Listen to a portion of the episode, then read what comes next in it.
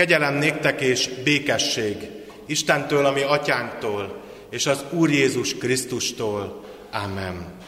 Kedves testvérek, Isten tiszteletünk kezdetén áldjuk és magasztaljuk a mi Urunkat a 266. számú dicséret éneklésével.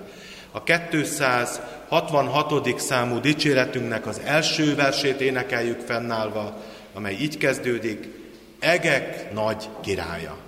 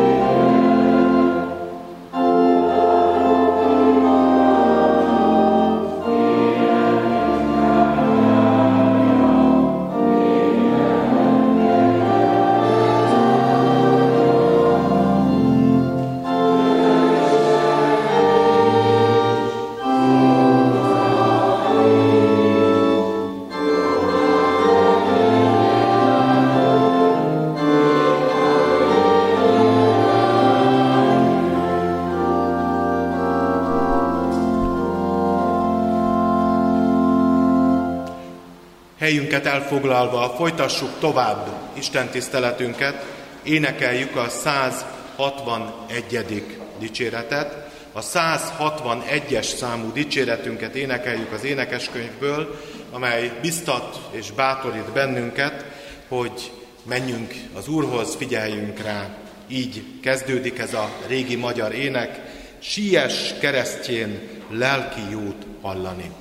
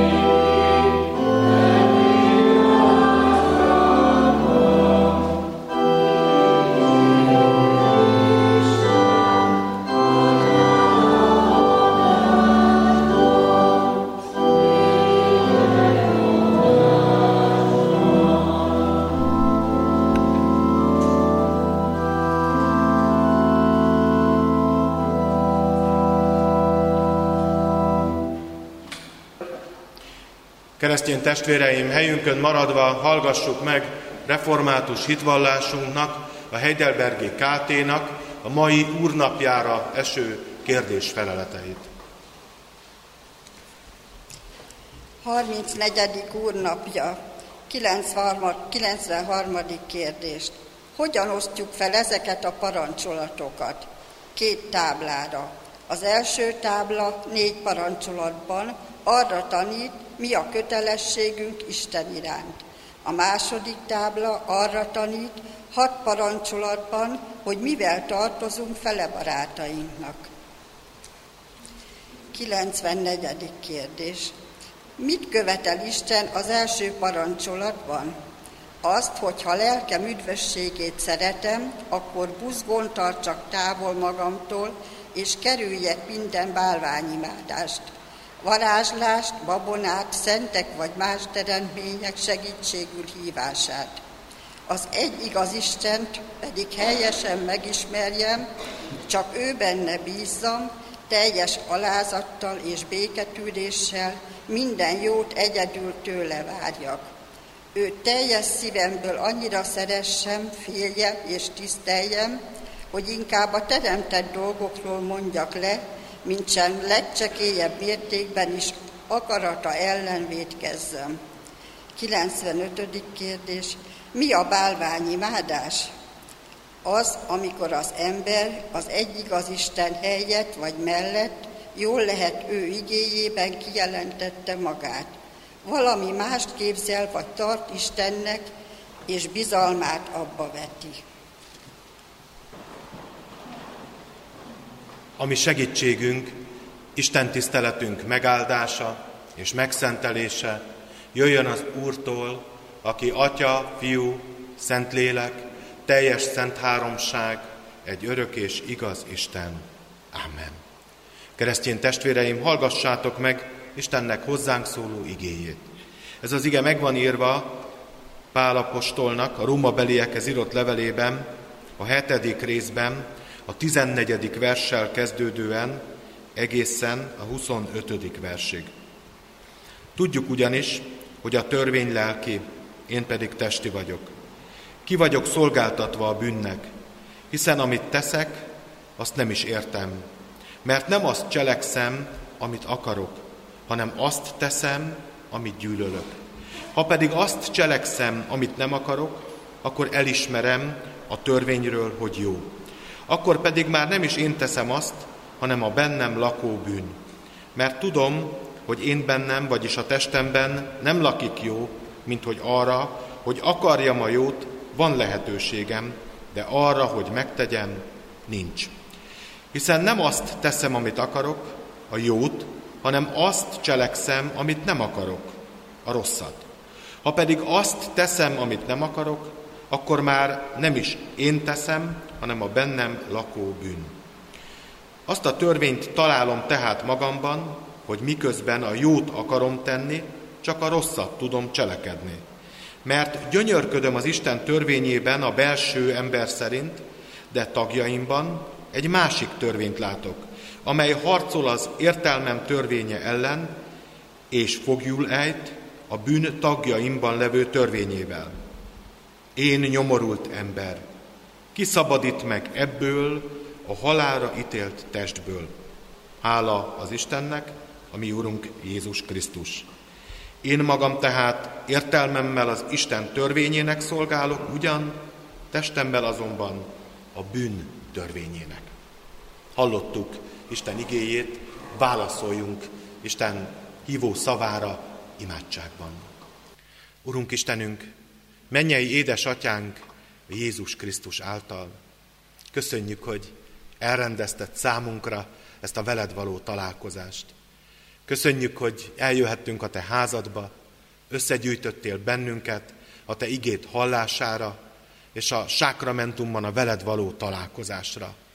Urunk, hiszük, hogy kegyelmes Istenünk vagy, és megbocsátod a mi bűneinket, elfedezed a mi vétkeinket, és megerősítesz bennünket a hitben a Te igéd által. Köszönjük, hogy hozzád jöhettünk. Köszönjük, hogy megőriztél bennünket. Urunk, Te látod a szívünket, a gondolatainkat. Te tudod, hogy honnan érkeztünk. Kétségbeesésből, szomorúságból, magányból, magunkra hagyatottságból, vagy lehet, hogy éppen a mi közösségi kapcsolatainkban levő békétlenségből, reménységből, igyekezetből, hálaadásból, tudod egyen-egyenként az életünket, a dolgainkat, örömeinket és nehézségeinket. És olyan jó, hogy így fogadsz el bennünket, Urunk. És így adod az üdvözítő kegyelmet. Így adod a Te útmutatásodat. Így adod a Te szent lelkedet, amely megújít bennünket. Köszönjük, Urunk, hogy ezzel a hittel, Krisztus nevével az ajkunkon, az ő segítségül hívásával jöhetünk most is eléd. Urunk, Istenünk, mennyei atyánk, Jézus Krisztusért, áld meg a Te igédet, áld meg a Te igét hirdetését, áld meg a Te igét hallgatását, befogadását, megtartását, áld meg a mi Isten tiszteletünket. Amen. Isten igéjére, Isten igéjének a hirdetésére készülve, még fennállva a 164. Eh, dicséretnek az első versét énekeljük. A 164. dicséret első verse így kezdődik. Kegyes Jézus, itt vagyunk, te szent igéd hallására.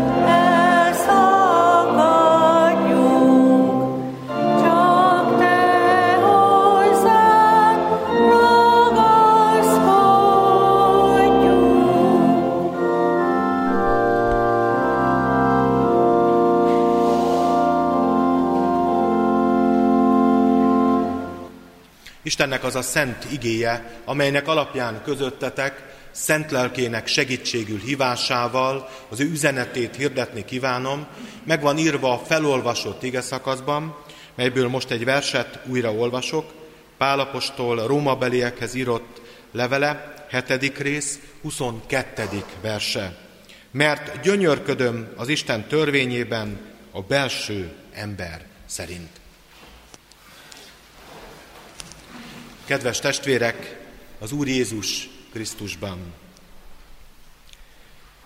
Amikor kiválasztottam azt a vasárnapi imatémát, ami erre a vasárnapra esik, minden vasárnap imádkozunk kiemelten valamiért, akkor az került oda minden helyre, hogy hálaadás, imádság a testi és a lelki kenyérért, a közösségért, imádság azért, amit Istentől kapunk, ami egyszerre testi, egyszerre lelki.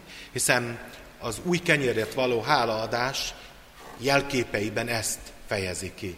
A mindennapi kenyeret, amit megköszönünk Istennek, de ami rögtön, mint kenyér is emlékeztet bennünket a lelki kenyére, a mennyei kenyére, emlékeztet bennünket Jézus Krisztusra, az ő megtöretett testére, értünk hozott áldozatára, megmentésünkre, emlékeztet bennünket megváltásunkra, és emlékeztet az örök életre.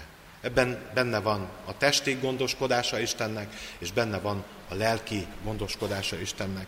És milyen érdekes, bizonyára nem véletlen, hogy a mai igénk úgy kezdődik, hogy a törvény lelki, én pedig testi vagyok. Ez a testi, lelki kettősség nem, arról, nem ugyanaz a kettősség, nem pontosan azt értjük alatta, mint amit a kenyéren, a testi meg a lelkén, hiszen a kenyéren alapvetően azt értjük, mint testét, hogy Isten gondoskodik rólunk. Isten gondviselő szeretetét látjuk meg a kenyérben. Amikor pedig Pál arról beszél, hogy ő testi, akkor arról beszél, hogy neki az ő életében jelen van test szerint a bűn. Bár nem azt szeretné, nem az a célja, de mégis jelen van. Ez a kettősség, ez egy, az a nagy kérdés az, amivel viaskodik az apostol, hogy hogy lehet az, hogy én miközben Isten gyermeke vagyok, miközben hozzá tartozom, miközben már megtudtam, megértettem azt, hogy mit tett értem Jézus Krisztus, mégis olyan vagyok, aki bűnt követek el, aki méltatlanná leszek. Hogy lehet, hogy egyszerre Isten gyermeke vagyok, de mégsem vagyok tökéletes. Nagyon fontos ez a helyzet, ennek a megértése, még ha kicsit elméletinek tűnik, mindannyiunk számára. Biztos mindenkinek megvan az az út, ahogyan idejött. Nem csak arra gondolok, hogy honnan indult el, mivel érkezett, tömegközlekedés, gyalogkerékpár, autó, bármi más, hanem arra gondolok, hogy ahogy ide érkezett az Úrhoz. Biztosan megvan ez az út. Biztos van olyan közöttünk, aki úgy született, hogy egy olyan családba született, ahol ez természetes volt. És utána végig járta ő is ugyanazt az utat, amit mindenki, hogy utána megismerte az urat, aztán utána a hitéről, az ismeretéről bizonyságot tett a konfirmációban, és aztán úgy ott áll a gyülekezet közösségében, ott van. Akár történt ez gyermekkorban, akár keresztelésben is, konfirmációban is, felnőtt korban történt. De miért is vagyunk keresztjének? Hogyan lettünk azokká? Vajon azért vagyunk azok, mert megszoktuk ezt, mert bele nőttünk, és hát ez a természetes közegünk, ott érezzük jól magunkat? Nem baj, ha így van, nehogy félreértsék a testvérek, hogyha valaki jól érzi magát keresztényként, és a keresztény közösségben, ez ne, egyáltalán nem bűn, vagy nem ö, probléma, vagy pedig azért, mert kerestünk valamit, és úgy találtunk rá Krisztusra, rátaláltunk. Lehet, hogy a kettő még együtt is működött, hogy elindultunk így, de aztán a rátalálás, az igazi felismerés az később jött, az igazi megújulás az később jött. Egy kicsit úgy gondolkodnak rólunk a világban, egyre kevesebbet tudnak a kereszténységről. Van egy olyan nemzedék, nemzedékről nemzedékre már öröklődik a Isten nélküliség ebben a világban, vagy a Isten ismeretének a hiánya.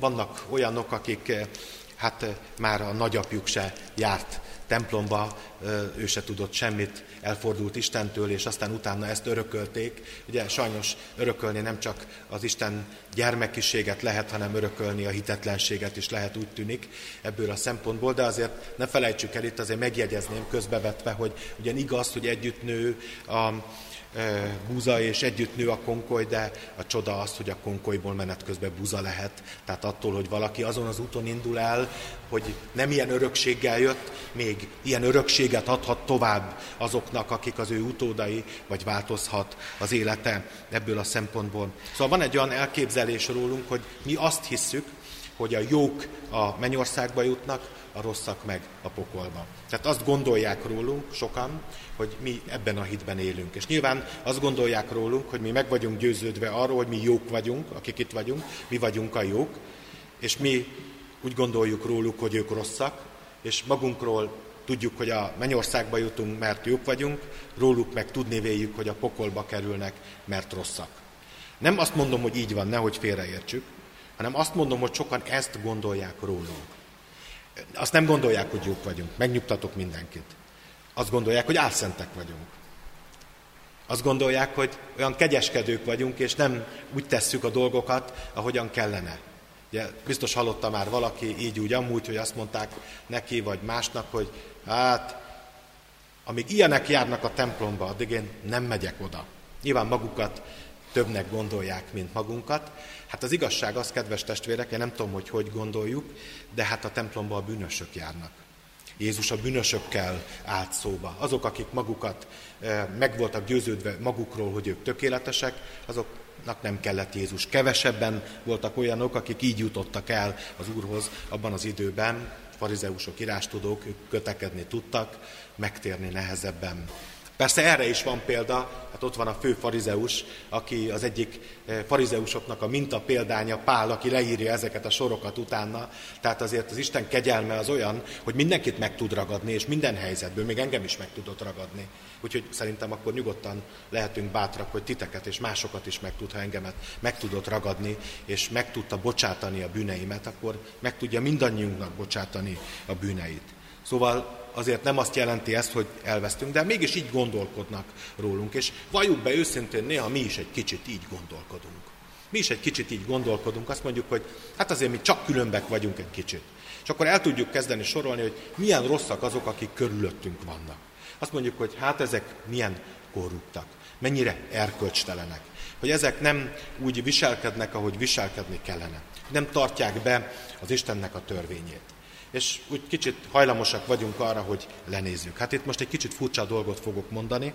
Mindegy, hogy mit tesznek, nem azért lesz az, hogy valaki nem kerül a mennyországba, amit tesz, hanem azért lesz, mert nem hisz Jézus Krisztusban.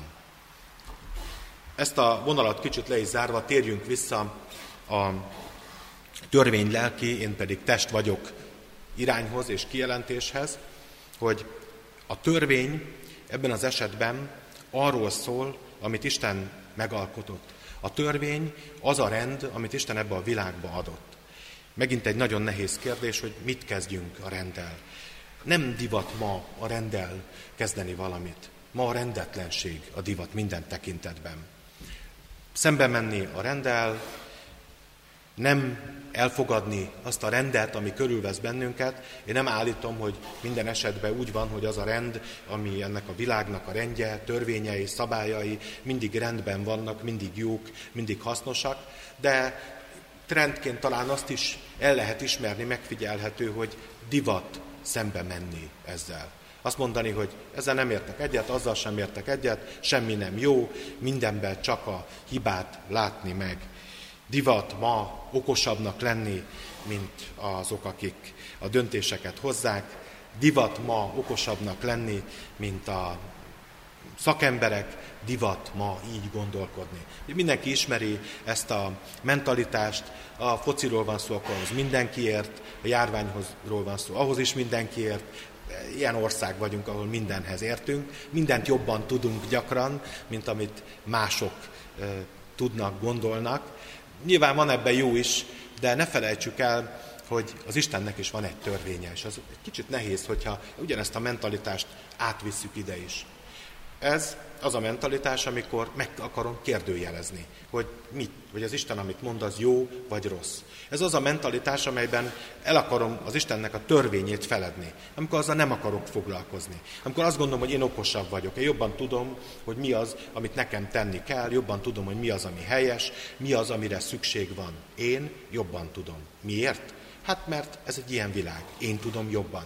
Ma a hit is ilyen, én tudom jobban. Én kiválogatom magamnak, hogy mit akarok hinni. Én majd eldöntöm, hogy mit gondolok Istenről. Alkotok magamnak egy Isten. És akkor megmondom, hogy az Istennek milyennek kell lennie. És ilyen ez a világ. Kell valami az Istenből, de az Úristen nem kell. Kell valami, ami lelki, de a Krisztus nem kell. Valamit keresünk, valamire rá kell találni, de nagyon kevesen találnak rá a Krisztusra. Az a nehéz ebben, hogyha a törvény felől közelítünk, akkor ide jutunk. Hogyha onnan közelítünk, hogy milyen szabályai vannak az Istennek, és milyennek alkotta a világot, akkor sokan azt fogják mondani, hogy ez túl nehéz. Egy nagyon érdekes mondat hangzik el, amit felolvastam, azt mondja, hogy gyönyörködöm az Isten törvényében. Kedves testvérek, hát lehet a törvényekben gyönyörködni. Persze, biztos vannak olyan jogászok, akik gyönyörködnek a törvényekben. Egy jól megfogalmazott mondatban, egy jól összehozott szabályrendeletben. Biztos vannak olyanok, akik ebben örömüket lelik. Nem tudom, én mindig úgy éltem meg, amikor ilyen szabályrendeleteket alkottunk, akárhol is voltunk, az ilyen kinnal, keservel ment, de biztos van, aki ezt élvezi. E- ezt én el, elfogadom, tehát ez lehetséges. De igazából gyönyörködni az Isten törvényében, akkor tudunk, hogyha nem a törvényel kezdjük.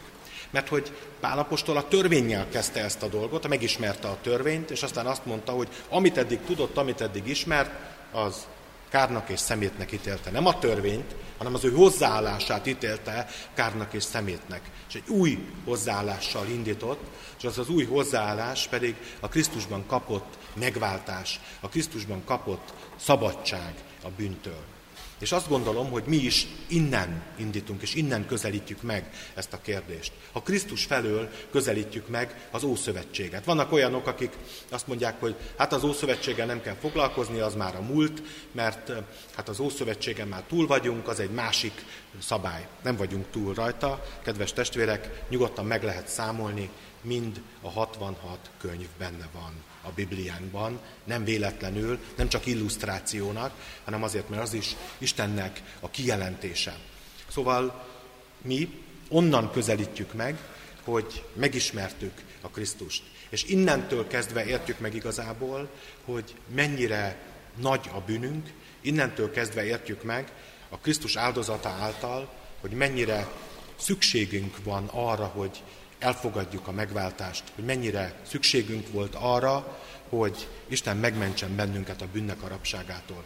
A bűneink igazi nagysága akkor látszik meg, amikor Krisztusnak az áldozatára tekintünk.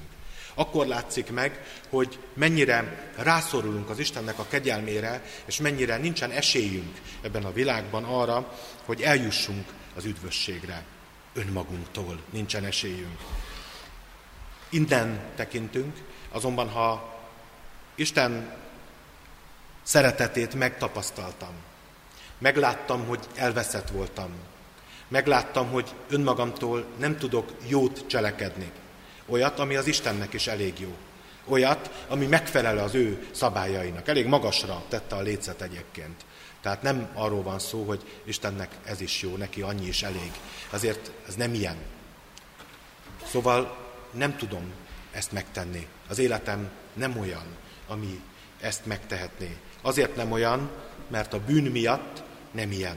Nem csak azért, mert Ádám meg Éva olyan volt, amilyen, mert én is olyan vagyok, mint Ádám meg Éva. Azért, mert ugyanúgy folytattam a bűnt, mint ahogy ők elkezdték. Ugyanúgy folytattam az engedetlenséget. Ugyanúgy tettem mindent, amit nem kellett volna az Isten szerint, mint ahogyan ők is tették. Ne mentsük föl önmagunkat ez alól. És a törvény mutatja, hogy milyennek kellene lennünk, és közben látjuk, hogy milyenek vagyunk és hol tartunk. De mi van akkor, kérdezi Pál, hogyha megismertem az Urat? Mi van akkor, hogyha ezt elfogadtam? Akkor mi következik? Igyekszem minden erőmmel neki hálás életet élni. És persze ez így indul, amikor először az ember ezt átéli, amikor megérti, hogy Isten mennyire szereti őt, annak ellenére, amilyen, akkor ez egy gyönyörű, boldog érzés, az egy új felfedezés, egy új életnek a kezdete mindenki számára. Csak hogy nem csak egy pillanat ez, hanem jönnek a további napok. Kiderül, hogy én ugyanúgy érzem, hogy én megváltoztam és mássá lettem, tehát a környezetem az nem változott meg. És nem is biztos, hogy örül annak, hogy én mássá lettem. Vajon bennünk van-e még ez a lelkesedés? Bennünk van-e még ez a szeretet Isten felé? Az a viszont szeretet, hogy amit kaptunk, azt vissza akarom adni az életemnek a szeretetével, az ő követésével, a hozzávaló ragaszkodással. És akkor utána azzal szembesülünk, hogy mégiscsak testi vagyok. Itt nem arról van szó, hogy a lélek az valami különleges, a test meg eleve rossz. Isten teremtett bennünket testnek és léleknek. Nem arról van szó, hogy a test önmagában rossz. Nem arról van szó, hogy az rossz, ha eszünk, ha iszünk. Az nem az a gond, hogy a testünknek vannak bizonyos szükségletei. Nem ez a gond. A gond, amikor azt mondja, hogy testé, az azt jelenti, hogy nem az Isten akarata szerint való, hanem azzal szembe menő. Amikor azt mondja, hogy, hogy testi vagyok, az azt jelenti, hogy én akarom eldönteni, hogy mi a jó. Az is testi, hogyha mondjuk olyan dolgokkal foglalkozom, okkult, vagy varázslás, vagy boszorkányság, vagy olyan misztikus dolgokkal, amitől az Isten eltiltott. Az is testi, mert az is a bűn szerint való. Tehát nem csak az a testi, hogyha valaki valamit ellop, mert ugye azt a testével teszi, az is testi, hogyha valaki mondjuk egy szellemi tulajdont lop el, amit már nem a testével teszi, hanem valahogy máshogy csinálja. A bűn az, ami testi. Mit tegyünk akkor, kedves testvérek? Hát hogy van ez? Akkor most testiek vagyunk, vagy lelkiek vagyunk? Akkor lehetséges, hogy van itt olyan ember, aki azért jött el, mert meg akarja az Istennek valani a bűneit? Lehet, hogy bűnösök vannak itt. De hát az hogy lehet? Hogy lehetünk bűnösök? Hát mi már Isten gyermekei vagyunk. Mi már hozzá tartozunk. Mi már átéltük azt a hatalmas élményt, hogy ő megszabadított bennünket, és megváltott bennünket. Akkor hogy lehet, hogy mégis meg kell vallani a bűneinket? Ez a probléma ott van ebben a történetben. Ott van abban, hogy amíg ebben a testben élünk, addig nem lehetünk tökéletesek. Ez egy kettősség, de a kettősségben mégis ott van az Istennek a kegyelme, mert nagyobb a kegyelem. És ugye itt a, a szakaszunknak a vége az, ami rámutat erre, azt mondja Pál, hogy én nyomorult ember, kiszabadít meg ebből a halálba ítélt testből. Hát, hogyha itt vagyok, ebbe a halálra ítélt testbe, hogyha itt vagyok, akkor hogyan lehet az, hogy, hogy mégis Istennek a gyermeke leszek? És a válasz az, hála az Istennek, a mi Úrunk Jézus Krisztus. A megoldás az maga Krisztus. A megoldás az Istennek a kegyelme, az Istennek a szeretete. A megoldás az, amit Isten már elkészített a számunkra. Semmire nem vagyunk képesek önmagunktól. Nem vagyunk képesek elég jók lenni. Nem vagyunk képesek elég teljesítményt nyújtani. Nem vagyunk képesek, még hogyha bármit megteszünk, akkor sem erre. Mert szükségünk van az Isten kegyelmére. És ez a kegyelem, ez készen van a számunkra. Menjünk sorba. A törvény jó, Istennek az eredeti tervét mutatja, útmutatásul szolgál. A tíz parancsolat nincs elvetve, hanem segítség, támasz, útjelző tábla arra, hogy mit akar Isten, és segít nekünk abban, hogy őt kövessük. Az, amit leír az ő igéjében, az útmutatása számunkra, arra, hogy hogyan éljünk, hogy hogyan bánjuk meg a bűneinket, hogyan ragaszkodjunk hozzá, hogy hogyan lássuk meg az ő akaratát. Egy útmutatás, amit akkor tudunk követni, hogyha elfogadjuk őt. Akkor tudunk követni, hogyha akarjuk ismerni az Istennek az akaratát. Akkor tudunk követni, ha ott van bennünk a vágyakozás erre, hogyha gyönyörködünk az Istennek a törvényében. Hogyha az nem egy kényszer, nem egy olyan megkötözés, ami által úgy érezzük, hogy nekünk valamit nem szabad, hanem egy szabadság, hogy az ő útját járhatom.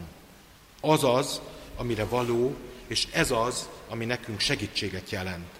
A törvény megtartása nem lehetséges testben, de mi tudjuk, hogy Krisztus áldozata az az összes bűneinkre érvényes.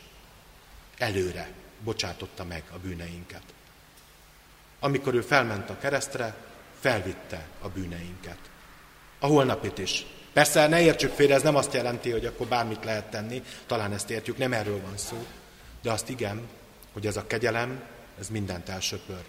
Hogy ebben a kegyelemben már nincsen semmi más, csak Krisztus, és mi az ő kegyelmes szeretetében lehetünk. És milyen jó, hogy ebben a kegyelmes szeretetben oda mehetünk az urasztalához. Oda mehetünk, és elmondhatjuk neki, hogy Uram, köszönöm, hogy mindent megbocsátottál. Köszönöm, hogy amikor legutóbb ezt mondtam, és elhatároztam, és ugye megígérjük, hogy nagyon igyekezni fogunk, de hogy nem sikerült, te mégis ugyanúgy szeretsz engem, mert a tiéd vagyok.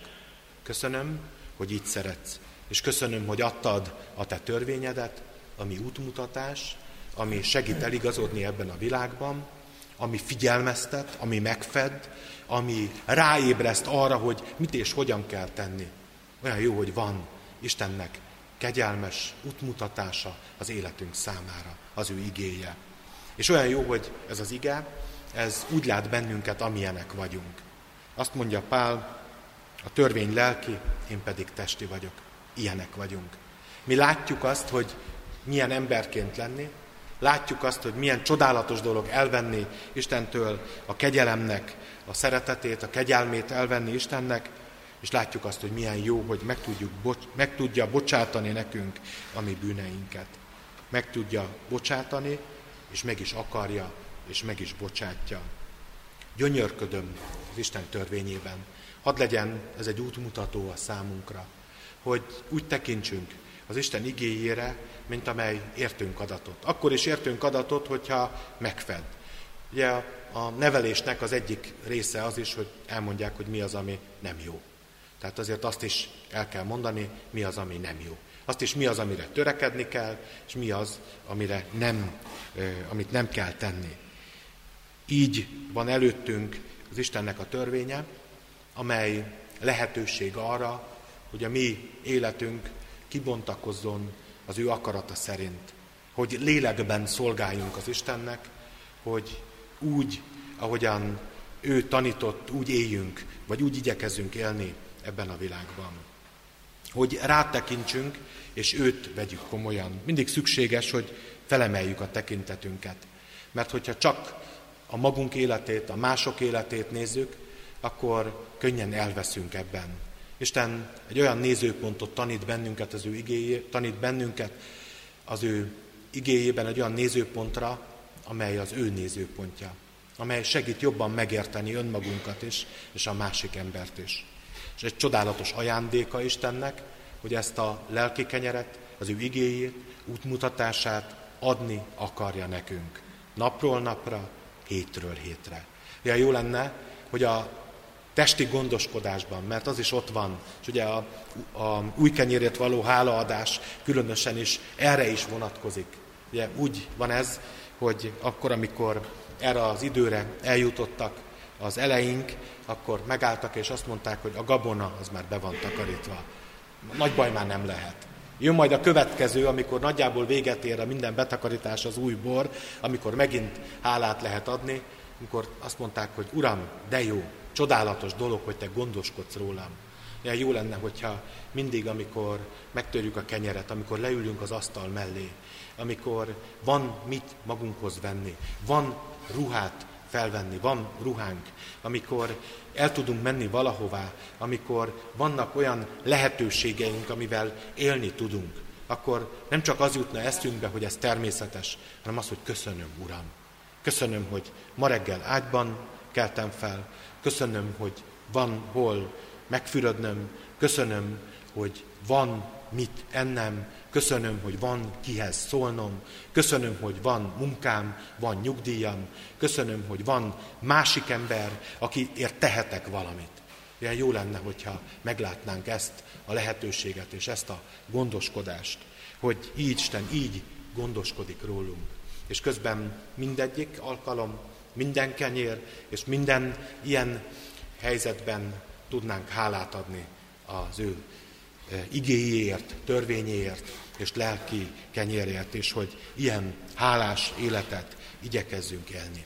Kedves testvérek, jó lenne, hogyha például egy kis házi feladat, hogy amikor leülünk az asztalhoz, megköszönnénk Istennek minden alkalommal, hogy ott van, amit enni lehet, mert nem természetes, nem magától értetődik. Olyan jó, hogy így élhetünk, és van erre lehetőségünk. A testi és a lelki kenyér az, amit mindent Istentől kapunk. És mind a kettővel hálaadással kell élnünk, mert az övéi vagyunk, mert ezzel tartozunk neki. Mert ez jár neki, mert ez a természetes a hívő ember számától. Egy örömünnep a mai hálaadás. Hálát adunk. Hálát adunk Istennek, aki mindenható, és az ő mindenható kegyelmében megtartotta, megajándékozta az életünket. Megajándékozta testi kenyérrel, megajándékozta az ő igéjével. Ilyen megajándékozott emberekként mondjunk neki köszönetet, és adjunk hálát. Amen. Válaszolva Isten igéjére, Isten igéjének a megszólítására, a 274. dicséretnek az első versét énekeljük. A 274. dicséretnek az első verse így kezdődik, ki Istenének átad mindent.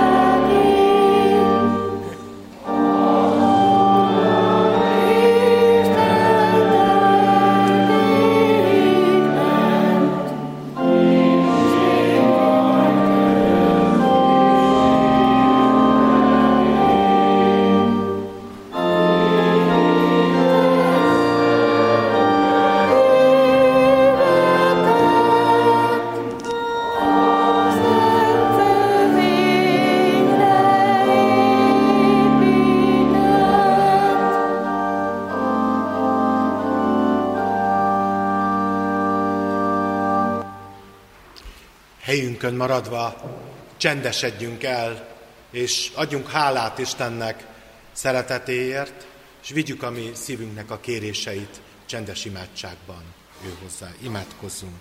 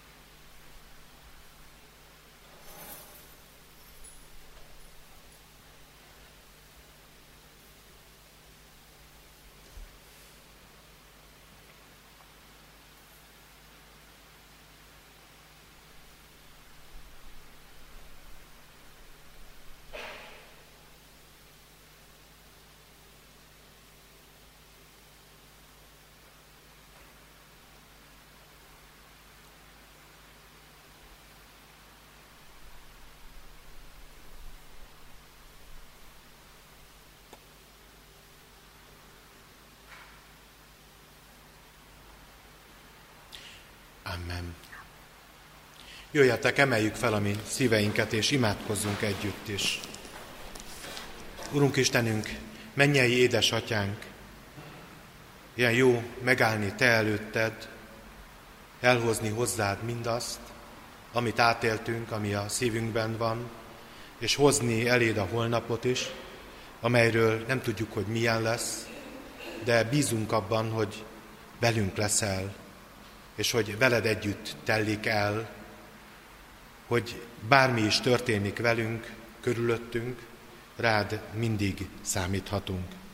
Köszönjük neked, hogy megtartottál eddig bennünket, és köszönjük, hogy megtartottad az Anya Szent Egyházat. Köszönjük, hogy te méltónak találtál bennünket arra, hogy a te népednek a tagjai legyünk. Nem a cselekedeteink szerint, hanem a te döntésed szerint. Köszönjük, hogy elhívtál bennünket a Te egyházadba. Köszönjük, hogy mint a Te megváltottaid, dicsőíthetünk Téged, és adhatunk neked hálát minden napon. Urunk, köszönjük, hogy ránk biztad a Te igédnek a hirdetését ebben a világban. Köszönjük, hogy ez az ige, az evangélium, az örömhír, a Te szeretetednek, kegyelmednek a hirdetése. Légy segítségül hogy ezt mondjuk, hogy ezt eljuttassuk, hogy bátran hirdessük mindenki számára azt, amit hiszünk, amit megtapasztaltunk, amit elfogadtunk. De Urunk, Te látod, mennyi nyomorúság, mennyi nehézség, mennyi kétségbeesés is van sokszor az életünkben. Látod a gyászunkat, látod a szomorúságunkat, látod, hogy milyen gyakran elveszítjük a bizalmunkat a holnapba, és milyen sokszor tapasztaljuk meg azt, hogy nincsen erő, hogy előrébb lépjünk, nagyobb bizalommal legyünk irántad, és arra meg főleg nem, hogy másokat erre segítsünk. Bátoríts bennünket, és segíts abban, hogy meglássuk, amikor szólnunk kell a Te igédet, amikor az evangéliumot kell továbbadni, amikor bizonyságot kell tennünk mindenről. Imádkozunk az életünkért, helyzeteinkért. Te tudod, hogy miben vagyunk. Imádkozunk a reménységeinkért. Köszönjük neked, mennyei atyánk, a testi kenyeret. Köszönjük, hogy bizalmunk lehet, hogy ez megmarad, és velünk lesz. Köszönjük, hogy gondoskodsz rólunk. És köszönjük, hogy újra és újra éjséget támasztasz bennünk a lelki kenyérrel is, hogy éljünk vele, hogy értsük, hogy szeressük. Köszönjük a Te törvényedet, amely útmutató a számunkra. Bocsásd meg, amikor nem azt szerint élünk, cselekszünk, igyekszünk. Köszönjük neked, hogy kegyelmesen megtartasz. Urunk, elét hozzuk betegségeinket, hozzuk a betegeinket. Te tudod, hogy milyen megterhelő, milyen nehéz az, amikor a gyógyulásban reménykedünk, vagy amikor el kell hordozni egy betegséget. Légy kegyelmes mindazokhoz, akik ebben vannak benne a gyülekezetből és szeretteink között. Imádkozunk, Urunk Istenünk, ezen a vasárnapon vezetőinkért. Imádkozunk egyházunk vezetőiért, a küszöbön álló tisztviselők választásáért is. Imádkozunk népünk, országunk vezetőiért. És különösen is hadd hozzuk azokat eléd, Urunk Istenünk, azokat a politikusokat, akik a Te igédre akarnak figyelni, akik komolyan akarják venni a Te igédet. Sőt, arra kérünk, hogy egyre többen legyenek azok, akik a Te útmutatásodat, akik a Te akaratodat, törvényedet akarják kutatni, megtartani és követni. Urunk, imádkozunk azért, hogy meg tudjuk vallani igazán a bűneinket, le tudjuk előtt tenni, előtted tenni mindazt, amit le kell most tenni az urasztalánál. Köszönjük, hogy Te adsz szavakat a szánkba, hogy megvalhassuk azt, amit sokszor olyan nehéz előtted is kimondani, meggyónhassuk a mi vétkeinket igazán és őszintén, elismerve, elfogadva, és megtapasztalni a Te kegyelmedet. Urunk, kérünk, hogy maradj református egyházunkkal, keresztény közösségeinkkel, magyar népünkkel a Te megtartó kegyelmedben. Hallgass meg az imádságunkat. Amen. Amen. Mondjuk el együtt az Úr Jézus Krisztustól tanult imádságot. Mi atyánk, aki a mennyekben vagy, szenteltessék meg a te neved, jöjjön el a te országod, legyen meg a te akaratod, amint a mennyben, úgy a földön is. Minden napi kenyerünket add meg nekünk ma, és bocsásd meg védkeinket, miképpen mi is megbocsátunk az ellenünk védkezőknek. És ne vigy minket kísértésbe, de szabadíts meg a gonosztól, mert tiéd az ország, a hatalom és a dicsőség mind örökké. Amen. Hirdetem az adakozás lehetőségét, tudva a jókedvű adakozót szereti az Isten. Köszönjük az eddig érkezett adományokat. Kedves testvérek, kicsit előre tekintve szeptemberre sok kétség van bennünk a szeptember közepi kirándulással kapcsolatban. Figyeljük az eseményeket, és fogjuk tájékoztatni a testvéreket. Ez egy dél-borsodi kirándulás lenne, részben dél-zempléni is, valahol a kettő között. Hogyha valaki még úgy gondolja, hogy szívesen feliratkozna, nem biztos, hogy fogunk tudni menni, de iratkozni van lehetőség, fogjuk tájékoztatni és hirdetni a testvéreket arról, hogy, hogy belevágunk-e, vagy nem ebben a mostani helyzetben, nem tudjuk, hogy hogyan alakul a járványhelyzet, és szeretnénk a biztonságot az első helyre helyezni, minden tekintetben elsőként látni. Szeretettel hirdettem, hogy a mai nap, ahogyan tudjuk, az új kenyérért való hálaadásnak az ünnepe, megterítettük az Úr szent asztalát, az Isten tisztelet végén, majd a záróének és az áldás után következik az úrvacsorai liturgia, és az áldással, eh, illetve amikor utána elkezdjük a úrvacsorai énekünket, akkor a közvetítést, eh, mi most egy élő közvetítésben is vagyunk, az élő közvetítést akkor be fogjuk fejezni, tehát az úrvacsorai rész már nem lesz közvetítve.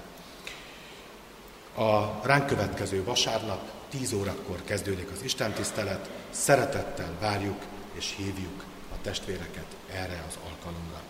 A záró énekünk Jézus Krisztusról szól, aki az egyháznak a fundamentuma, a 392. dicséret első és második verseit énekeljük.